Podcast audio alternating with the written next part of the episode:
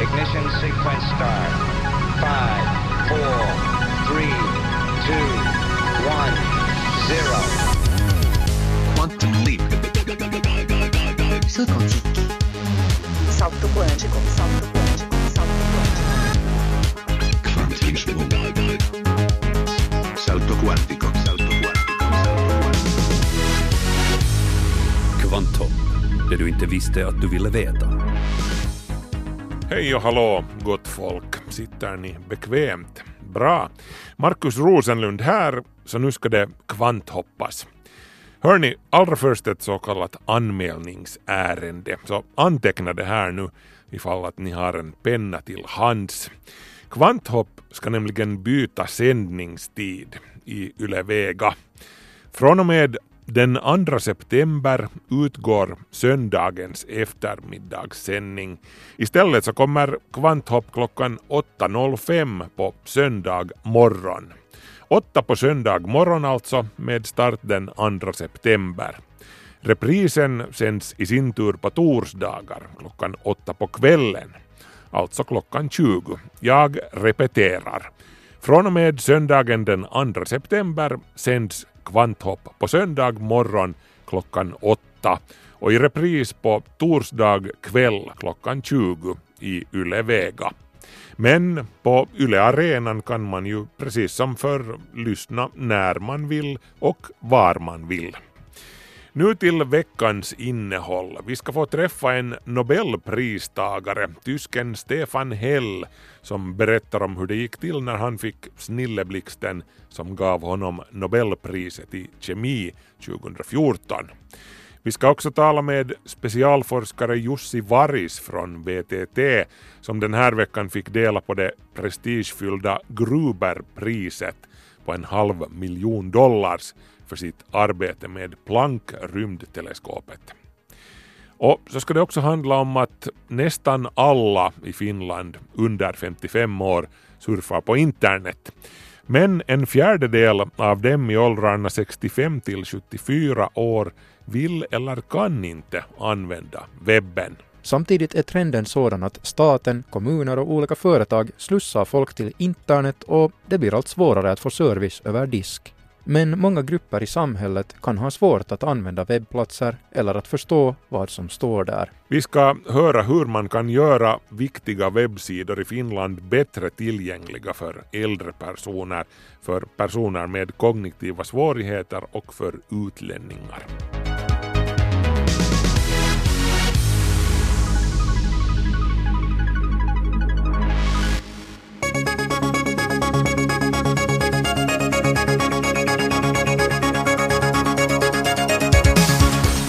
Nåja, nu är det bekräftat. Det finns is och därmed vatten på månens yta.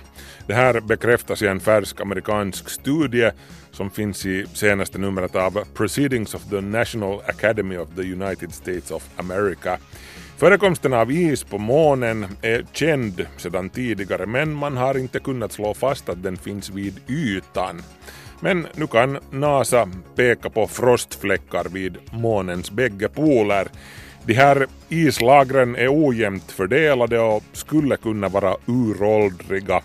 Vid den södra polen är det mesta av isen koncentrerad till månkratrarna medan den norra polens is är mer brett men sparsamt utspridd, skriver NASA i ett pressmeddelande.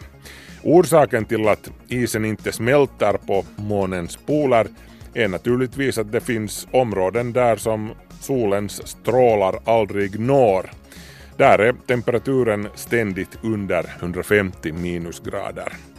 Och tur är ju det med tanke på framtida månresenärer och månbaser som kan använda isen till dricksvatten och energiförsörjning, något som forskarna bakom studien noterar. Vad händer om man blandar 90% platina och 10% guld? frågar nyteknik.se. Eh, jo, man får en otroligt hållbar och tuff legering. Det är Sandia National Laboratories i USA som har tagit fram världens hållbaraste legering jämförbar med diamant eller safir när det kommer till nötningstålighet. Och det är första gången som man har uppnått den här sortens slitstarkhet med metaller. Sandia beskriver det hela genom att jämföra legeringen med ett bildäck. Om ett bildäck var gjort av den här legeringen så skulle du kunna sladda, alltså inte rulla utan sladda 500 varv runt jordens ekvator utan att mönstret slits ut. Intressant nog så är legeringen varken ny eller särskilt hård, men den motstår friktion extremt väl, något som man helt enkelt inte har lagt märke till tidigare. Den nya legeringen tros kunna leda till enorma kostnadsbesparingar inom elektronikbranschen och industrier som är beroende av ultratåliga kontaktmaterial. Det finns havsis uppe i Arktis norr om Grönland som är särskilt gammal och som normalt brukar ligga kvar också om somrarna. Forskaren har länge trott att den här isen kommer att vara den som håller ställningarna längst mot den globala uppvärmningen. Men den här sommaren har den isen börjat smälta för första gången någonsin, skriver The Guardian. Öppet vatten svallar nu på områden som hittills alltid har varit istäckta, också sommartid. Orsaken till smältningen ligger i den gångna sommaren som i princip har varit en enda lång värmebölja på norra halvklotet med varma vindar som har nått ända upp till Arktis. Meteorologerna beskriver nyheten som skrämmande och säger att vi nu tvingas tänka om beträffande vilka områden som vi kan räkna med att hålls frusna längst uppe i norr. Och så en god nyhet för dem som letar efter jordliknande planeter i yttre rymden. Det verkar nämligen som att byggnadsblocken som vår egen hemplanet består av är tämligen vanliga i andra solsystem också. Ett internationellt forskarteam gjorde spektralanalyser av ljuset från 18 stycken kärnsystem, den mest omfattande studien i sitt slag hittills. Närmare bestämt tittade de på vita dvärgstjärnor, stjärnor i slutänden av sitt liv. Vår sol kommer också att bli en sån en vacker dag. Den här sortens stjärnor tenderar att samla kometer, asteroider och annat överblivet planetmaterial runt om sig som Saturnus har sina ringar ungefär. Och genom att studera spektrumet från ljuset som passerar genom det här kosmiska bråtet så kan man säga vad det är gjort av. Och vad forskarna fann var alltså att de flesta av de här gamla planetsystemen bestod av samma uppsättning grundämnen som jorden har. Vilket alltså innebär att vi kan vänta oss att mängden jordliknande planeter i galaxen är hyfsat stor. Hurra för det!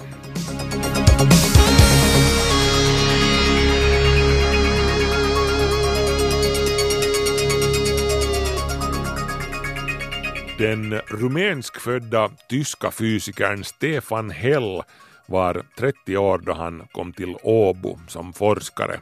Då han återvände till Tyskland tre år senare hade han gjort sitt livs stora upptäckt som senare skulle ge honom Nobelpriset i kemi, även om ingen trodde på honom då det begav sig. Peter Petrelius träffade Stefan Hell i Åbo i discovered actually while working in this building in 1993 here in, in Turku, in Åbo, um, that you can overcome the resolution barrier of a light microscope, of fluorescent light microscope. Hell berättar att här i Åbo lyckades han forcera den fysikaliska begränsningen för hur små strukturer som går att se med ett ljusmikroskop. En ekvation från 1800-talet gjorde länge gällande att ett ljusmikroskop aldrig skulle kunna visa detaljer som är mindre än 0,2 mikrometer. Konturerna av vissa delar av cellen kunde urskiljas men det var länge omöjligt att urskilja mindre objekt som exempelvis enskilda proteinmolekyler. Stefan Hell var tvärsäker på att det skulle gå att lösa.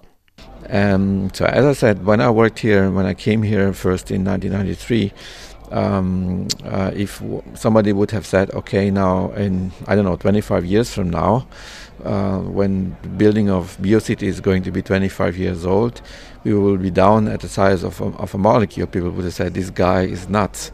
Han säger att om någon skulle ha sagt vid början av 90-talet att om 25 år kan man se partiklar i molekylstorlek med ett mikroskop så skulle han ha utpekats som tokig. En lördag hösten 1993 vaknar Stefan Hell i sin lägenhet i studentbyn. Han har fått en idé.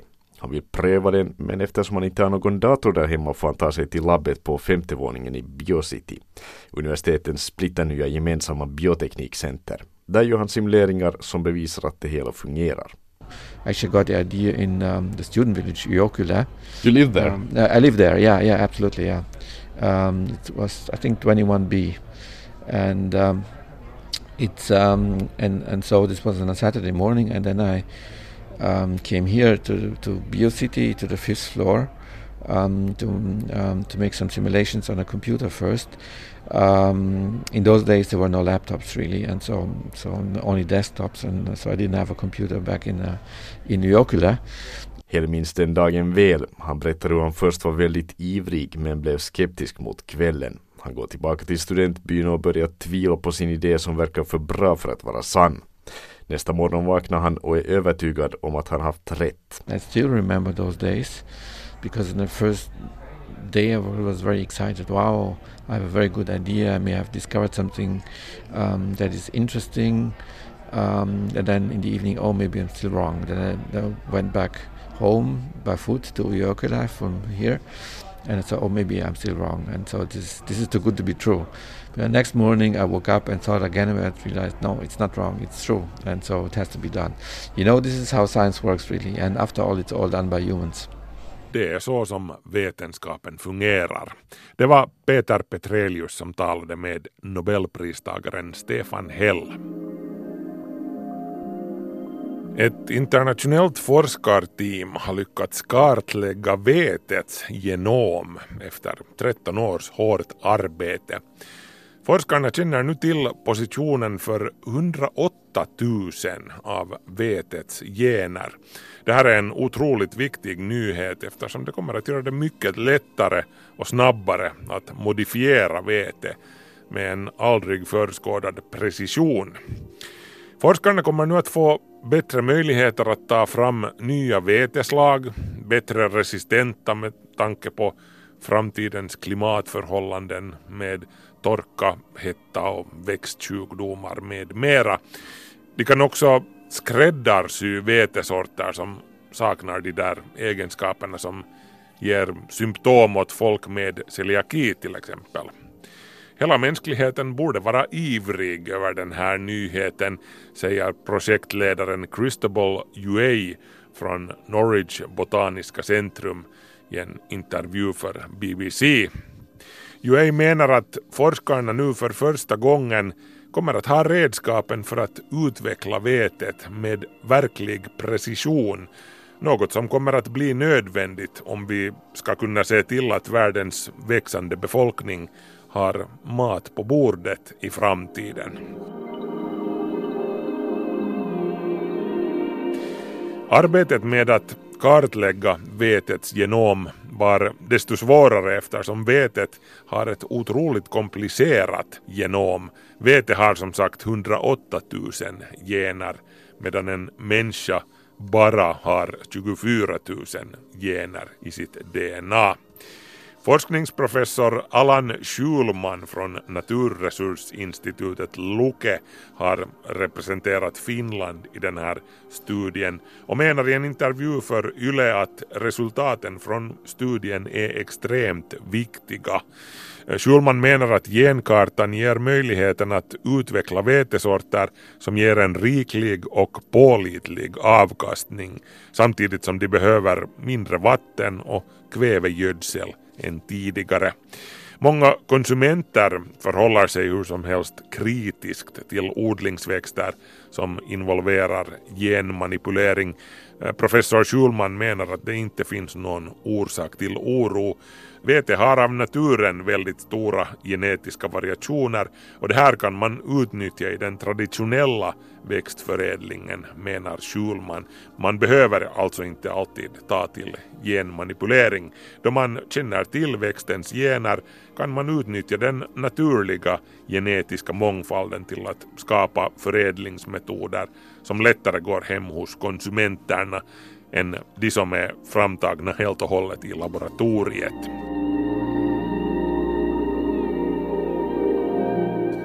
Ett exempel på egenskaper som man har åstadkommit genom förädling är kortare strån. Om veteplantan har ett längre strå än nödvändigt, då använder plantan sin energi till att förlänga strået istället för att satsa den energin på att göra kornen större. Vete med långa strån slås dessutom lättare ned av vind och regn. Vetet vars genom man nu har kartlagt är en variant som kallas kinesiskt vårvete. Just den här sorten är den mest använda vetesorten på världens åkrar. Den är uttryckligen av den sorten som har ett kort strå. Den förädlades fram under den så kallade gröna revolutionen på 1960-talet som förbättrade jordbrukets avkastning märkbart, säger professor Schulman. FNs livsmedels och jordbruksorganisation FAO har uppskattat att världens veteproduktion måste öka med 60 procent fram till år 2050 om vi ska hålla jämn takt med den ökande efterfrågan. Världens folkmängd beräknas då vara 9,6 miljarder eller 2 miljarder större än nu. På samma gång har vi sedan också den globala uppvärmningen som hotar livsmedelsproduktionen då vissa områden får för mycket regn och andra områden blir helt och hållet utan. Själva uppvärmningen har också en direkt inverkan på plantornas tillväxt. Då nattemperaturen ökar med en grad Celsius minskar skörden med 8 procent enligt siffror från BBC. Jordbruket har en dubbel utmaning i och med att det måste tampas med klimatförändringen samtidigt som det ökar på sin avkastning. Lägg sedan ytterligare till att den tillgängliga odlingsarealen minskar med 12 miljoner hektar varje år på grund av jorderosion och utarmning av åkrarna. BBC ställde frågan om genmodifierade grödor är en oundviklighet om vi ska kunna mätta allt fler munnar i en allt varmare och mer utmanande framtid. Motståndarna till GMO menar att det inte är så här eftersom det nog finns mat bevisligen så det räcker på jorden. Den är bara fördelad ojämnt och enligt vissa orättvist. GMO-motståndarna menar också att nya genmodifierade grödor i kombination med gamla växtsjukdomar och skadedjur kan ge upphov till oförutsedda problem så man ska vara försiktig med att lova guld och gröna skogar när man talar om GMO-teknikens möjligheter. Hans Braun, som är chef för växtförädlingsinstitutet CIMMUT i Mexiko, förnekar inte det här med att maten fördelas ojämnt över jorden just nu. Han säger att det för många länder har varit en enklare lösning att använda genteknologi än att se till att få till stånd en politisk lösning på världens livsmedelskris. Men att vi hur som helst inte kan bygga framtiden på att vi skyfflar spannmål per automatik från en del av världen till en annan. Norra Afrika och sydvästra Asien till exempel håller redan nu på att bli farligt beroende av importerat spannmål. De behöver få tillgång till nya växtsorter som de kan försörja sig själva med också i framtidens allt svårare förhållanden. Och då behöver vi använda de redskap som vi har för maximalt effektiv växtförädling inklusive genmodifiering om vi ska mätta alla munnar. Aldrig för sent att surfa, så heter en kampanj som går ut på att få äldre att lära sig surfa på webben. Jag har försökt berätta om den här kampanjen för min 73-åriga mamma men hon lyssnar inte, hon är för upptagen med Facebook på sin iPhone. Hur som helst, nu ska det handla om vår framfart på internet. Viktiga webbsidor i Finland är oftast inte skapade för att vara värst tillgängliga. Det här kan få negativa konsekvenser för äldre personer, invandrare, personer med kognitiva svårigheter eller med synnedsättning eller egentligen för vem som helst. Men en ny lag ska nu förbättra den här situationen. No jos siinä ei ole niin yhdellä sivulla, mistä pääsee sitten niihin detaljeihin esimerkiksi, ne on huonoja. Tai sitten e- epäselvä kirjoitus. Pensionären Maria Salovaara Orre säger att det ibland är svårt för henne att hitta det hon letar efter på den offentliga sektorns webbsidor och att innehållet kan vara skrivet på ett otydligt eller byråkratiskt sätt. Hon har sökt sig till Yles kampanj Aldrig för sent att surfa för att få svar på en del teknikfrågor. Kampanjen hjälpte den här veckan folk med de digitala färdigheterna i Esbo stadsbibliotek. En annan pensionär på plats, Hilka Sainio, har skaffat sig en surfplatta men har hittills undvikit att surfa på nätet desto mer. Olin tähän asti ajatellut pärjään ilman, mutta olen kuitenkin ottanut tuon tabletin, että jos en pärjäisi, niin pitää opetella. Jag har tänkt att jag klarar mig genom att sköta mina ärenden i den fysiska världen. Men jag vill ändå lära mig att använda surfplattan för säkerhets skull, säger hon. Hon tillägger att hon lätt glömmer hur man ska använda digitala apparater och tvingas lära sig samma saker gång på gång. Det är nu 75 procent av finländarna i åldrarna 65 till 74 år som använder internet. Motsvarande siffra för åldrarna 75 till 89 år är 37 procent. För finländare under 55 år är motsvarande andel 99 procent. I praktiken använder de nästan alla internet. Samtidigt är trenden sådan att staten, kommuner och olika företag slussar folk till internet och det blir allt svårare att få service över disk. Men många grupper i samhället kan ha svårt att använda webbplatser eller att förstå vad som står där. Petteri Alinikula är styrelseordförande vid företaget Avava Digital som specialiserar sig på tillgänglighetsfrågor. Han har koll på nuläget när det gäller den offentliga sektorns sajter. Kyllä se aika, aika heikko edelleen on, että useita kymmeniä näitä eri verkkopalveluita ollaan, ollaan testattu ja auditointia. Situationen är ganska dålig fortfarande. Vi har testat tiotals webbplatser och inte en enda gång har vi stött på en webbplats som skulle vara helt och hållet tillgänglig, säger han. Det här kan få negativa konsekvenser till exempel för äldre personer, invandrare eller personer med kognitiva svårigheter eller synnedsättning till exempel. Eller egentligen för vem som helst. I endast 10-20 procent av sajterna som Avava granskade hade man enligt Ali Nikola tänkt på den digitala tillgängligheten. Det innebär alltså att man inte har gjort det i de allra flesta fallen. På Kommunförbundet håller sakkunniga Mattias Lindroth med om den bedömningen för kommunernas del. Det är ett faktum att kommunerna, eller egentligen offentliga sektorn i allmänhet, inte har jobbat jättemycket med de här frågorna eh, ännu. Det har länge varit rekommenderat men, men eh, ofta så, så hamnar det ganska långt ner på listan över vad, vad man hinner med att jobba med och vad man får resurser till. Han tillägger att det har varit en ganska osynlig fråga. Vi har hela tiden haft grupper med, med användare, olika typer av, av, av, av eh, hinder, funktionshinder eh, som har, har problem. Men de har hittills kanske inte, liksom, man har inte noterat det på det sättet för det har, det har inte som grupp varit eh, så, så röststarka ska vi säga. Lindroth menar också att de som skapar webbsidor och innehåll till dem ofta inte har fått tillräcklig utbildning i tillgänglighetsfrågor i högskolan eller på arbetsplatsen. Programmerare, grafiker och de som skriver innehåll borde alla utbildas i det här, säger han. Myndigheternas webbsidor måste ha god tillgänglighet från och med hösten 2019 eller hösten 2020 om det handlar om äldre sajter. Det här enligt en ny lag som riksdagen väntas godkänna senare i år på basis av ett EU-direktiv. Samhällsviktiga företag såsom banker, försäkringsbolag och elbolag kommer troligen också att omfattas av den nya lagen. Tapio Hanperä är doktorand vid Aalto-universitetet och forskar i webbtjänsters tillgänglighet. Han har också själv en synnedsättning och jobbar som tillgänglighetsexpert vid Förbundet för personer med intellektuell funktionsnedsättning. Hanperä har under det senaste halvåret märkt att många offentliga aktörer har aktiverat sig i att göra sina webbtjänster mer tillgängliga. Koen, että se on tosi, tosi loistava ja koetaan kehitysvammaliitos, että se on tosi hyvä asia.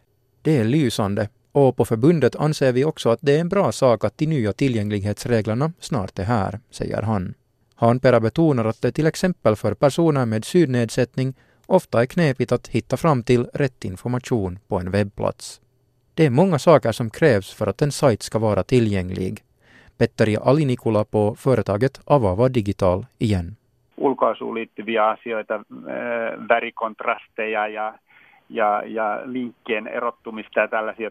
Det handlar till exempel om hur sidorna är designade och hurdana färgkontraster som används. Länkar ska till exempel vara färgade så att de är lätta att se. Och så måste sidorna kodas så att de fungerar väl med olika hjälpmedel såsom skärmläsare för personer med synnedsättning. Särskilt många äldre kan dra stor nytta av att en webbplats är tillgänglig, tillägger han. Hahmotettavuus, että jos, jos on niin kuin hyvin sekava sivusto, navigaatio, miten siellä sivulla pääsee eteenpäin, sitä ei ole mietitty tarkasti. Det gäller framför allt att webbplatsen ska vara överskådlig. Om den har en mycket rörig navigation och det blir oklart hur man ska ta sig vidare så blir det ofta problem för många äldre. Men det kan också bli problem för vilken användare som helst, säger han.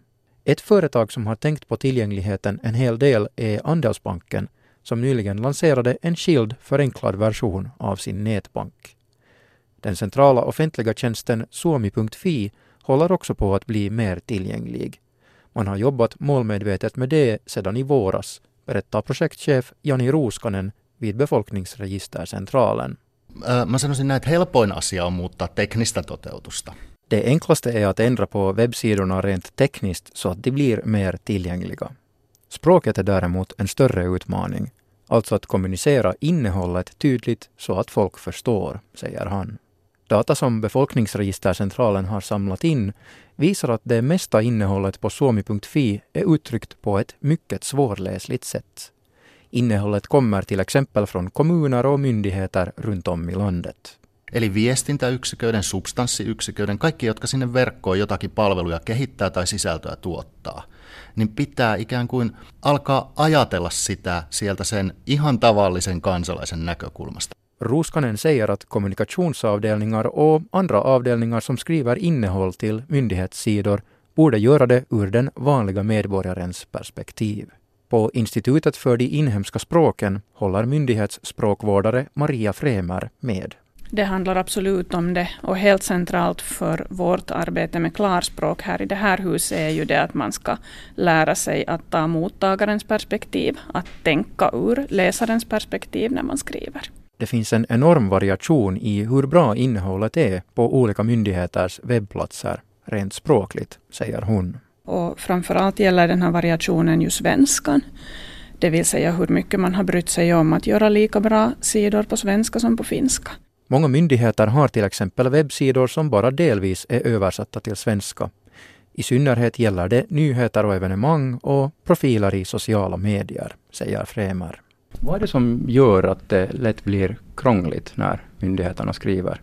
No, det är ju det att man ska förmedla information om ganska svåra saker, det vill säga text som kommer ur lagar och författningar. Och den informationen ska man kunna förmedla i tillräckligt exakt form så att det inte blir fel och så att det inte blir förenklat på, på så sätt att man kan missuppfatta någonting. Hon preciserar att myndigheterna alltså ofta formulerar sig onödigt försiktigt. Ändå har myndigheter redan länge haft en skyldighet att kommunicera sakligt, klart och begripligt. Det kräver förvaltningslagen. Fremer är nu glad över att den kommande lagstiftningen om tillgänglighet innebär att myndighetsinnehåll på internet ska vara tillgängligt och lätt att förstå. Hon hoppas att det kommer att få stor betydelse i praktiken. Ofta räcker det med klarspråk, alltså vanligt tydligt språk. Men i vissa fall kan myndigheter behöva använda ännu enklare språk för att nå ut till alla. Mer än 500 000 finländare drar nytta av och förstår bättre så kallat lättläst språk i både tal och skrift. En webbplats eller mobilapp som är designad för att vara tillgänglig kan ge alla användare en större frihet, betonar doktoranden Tapio Haanperä. Voi olla vaikea lähteä jonnekin virastoon hoitamaan niitä asioita. Det kan vara svårt att bege sig till en myndighet för att sköta sina ärenden och enklare att göra det hemma, betonar han. Förutom att det blir obligatoriskt för myndigheter och en del företag att göra tillgängliga digitala tjänster så blir det också utan vidare allt mer nödvändigt. Det säger sakkunniga Mattias Lindroth på Kommunförbundet. Ju fler äldre vi får, så desto fler får vi i den här användargruppen som har helt naturliga behov av att ha mer tillgängliga sidor, det vill säga de har svårt att använda tjänster om, om de inte görs på rätt sätt. Det var Niklas Fagerström som var reporter där. Yle Vega. Det prestigefyllda Gruberpriset på en halv miljon dollars delades alltså ut i Wien tidigare i veckan. Bland mottagarna fanns också 15 finländska forskare som deltog i samarbetet bakom Planck-teleskopet som gav oss vår bästa bild hittills av det tidiga universum. Om vi tar det från början så var det de amerikanska fysikerna Arno Penzias och Robert Wilson som mer eller mindre av en slump upptäckte den kosmiska bakgrundsstrålningen på 60-talet då de mixtrade med en antenn för satellitkommunikation. Oavsett hur de vred och vände på antennen så fick de in det här mystiska och inte så lite irriterande bruset. De prövade på att vräka duvorna som häckade i antennen och de sopade bort duvbajset men de blev inte av med det här envisa bruset vad de än gjorde.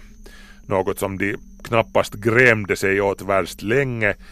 Penzias och Wilson fick Nobelpriset i fysik för sin upptäckt 1978.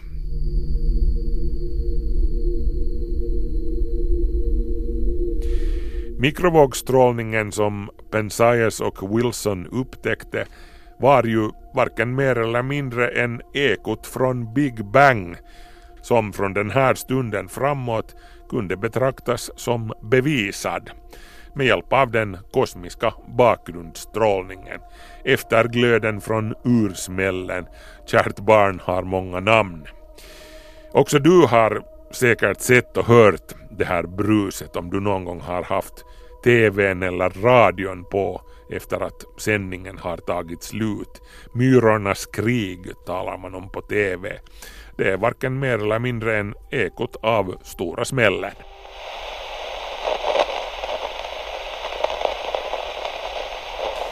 Den kosmiska bakgrundsstrålningen visade forskarna alltså ekobilden av ett nära på perfekt och slätt tidigt universum. Samma jämntjocka temperatur på 2,7 grader Kelvin ungefär åt vilket håll man än tittade. Det här presenterade forskarna med ett dilemma. Hur ska man då kunna säga någonting om hur de första galaxerna och galaxhoparna kom till om allt var en jämntjock gröt? Men det visade sig snart vid närmare betraktelse att strålningen varierar pyttelitet beroende på var man tittar. Vi talar om fluktuationer av storleksordningen en hundratusendel av bakgrundsstrålningens temperatur. Det här bevisade att universum inte var helt homogent från början utan att det fanns små variationer i massfördelningen och de här variationerna kan man alltså fortfarande se i kartan över den kosmiska bakgrundsstrålningen. Och den kartan har vi fått inte minst tack vare Europeiska rymdorganisationen ESAs Planck-satellit som 2009 påbörjade kartläggningen av bakgrundsstrålningen över hela himlavalvet. Den resulterande kartan publicerades 2013.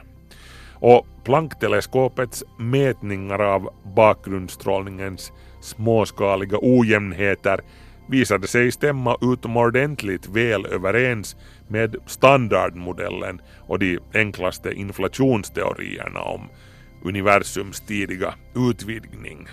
Planckteleskopet gav oss också möjligheten att bestämma universums ålder med den hittills största exaktheten. 13,8 miljarder år hade alltså gått sedan Big Bang.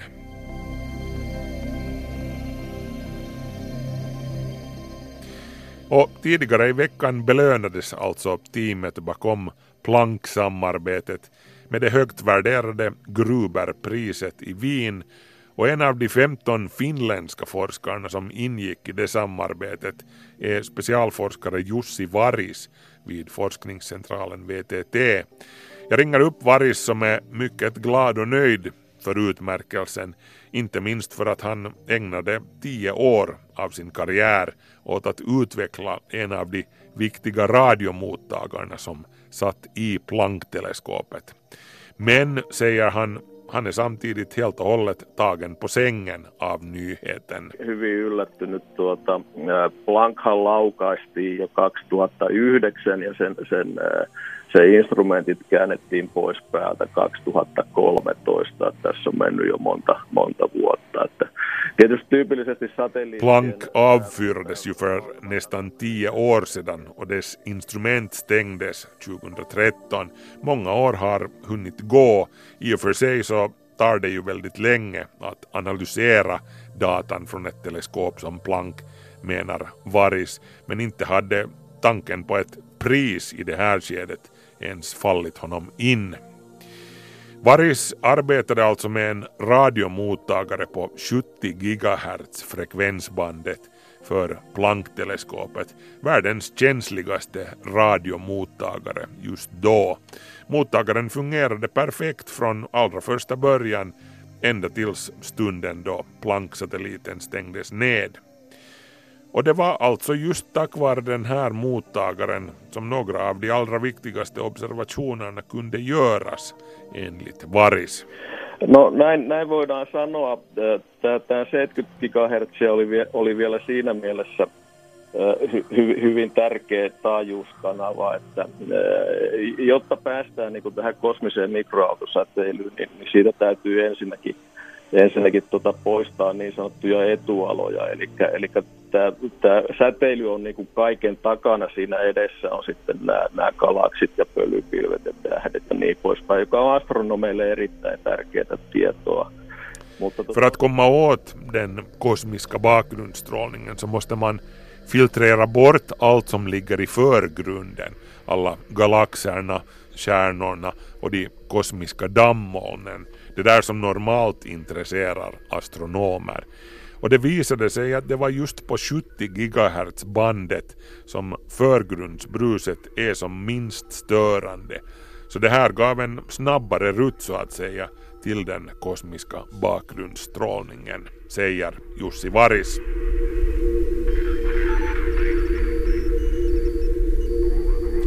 Men sen kan man ju undra att har jag någon nytta av allt det här i mitt vardagliga liv? Om, om inte just nu så kanske någon gång i framtiden.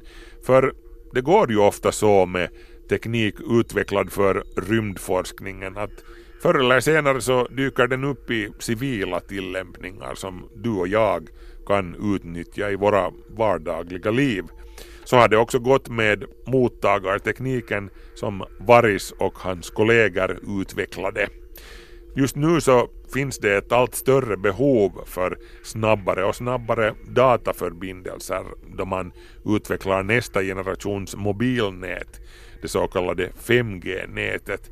Och just nu håller man på att ta i bruk just de här samma frekvenserna på millimeter våglängden då man bygger 5G-nätet säger Varis. Nämä on radiolaitteita, eli, eli yle, yleensä nämä tota, ilmestyy sitten, sitten tota, maanpäällisiin radiolaitteisiin, esimerkiksi radiolinkkeihin. Nyt, nyt tällä hetkellä, kun, kun se, seuraavan sukupolven langattomia verkkoja, eli näitä niin sanottuja 5G-verkkoja kehitetään, niin niin, niin, ja, ja tämä, tämä langattoman tiedonsiirron tuota, niin kuin, määrä kasvaa kasvaa exponentiellt. Ett av de här projekten just nu är 5G-nätet som man just nu installerar på Nokias campus i Karaporten i Esbo där är Jussi Varis med och installerar. Där är frekvensen, hur det nu råkar sig, just den här samma som i Planck-teleskopet, omkring 70 GHz, även om det finns högre frekvenser också på kommande, ända upp till 300 GHz. Men varför då så här många gigahertz? Nå, när man talar om framtidens mobilkommunikation ska man minnas att det jämt och ständigt finns ett krav på att vi ska kunna överföra större och större mängder data så att vi ska kunna se på superhögupplöst video och allt det där på busshållplatsen eller var vi än råkar befinna oss. För att göra det här möjligt så måste radiofrekvenserna höjas och antennnätverket måste bli tätare också. Apropå det, i framtiden kommer därför till exempel lyktstolparna längs med vägarna att extra knäcka som 5G relästationer. Smarta lyktstolpar kallas de. Jussi Varis jobbar just nu också med den här sortens smarta lyktstolpar. mukana, jossa rakennetaan tällaista, tällaista tota, uutta äh, älyvalaisin pylväisiin perustuvaa langatonta, langatonta tota 5G-linkkiä. Näihin, näihin älypylväisiin tulee sitten muun muassa myöskin, myöskin tota kameroita, näyttöjä, erilaisia sensoreita ja näin edespäin. De här stolparna kommer förutom att de belyser vägen också att vara försedda med kameror, displayer och diverse sensorer säger specialforskare Jussi Varis från VTT. Men den här veckan har de smarta stolparna fått vänta då Planck-teamet har fått sitt Gruberpris och firat det. Förutom VTT bidrog för övrigt också bland annat Aalto-universitetet samt Helsingfors och Åbo universitet med sin expertis till Planck. Finansiering fick projektet bland annat från Tekes och Finlands akademi. Kvanthopp är nu slut för den här gången men som en snabb påminnare från och med den 2 september kommer Kvanthopp alltså på nya sändningstider på söndag morgon klockan åtta och på torsdag kväll i repris klockan åtta. Så det är så att Markus Rosenlund heter jag. Tack för sällskapet. Vi hörs. Hej så länge.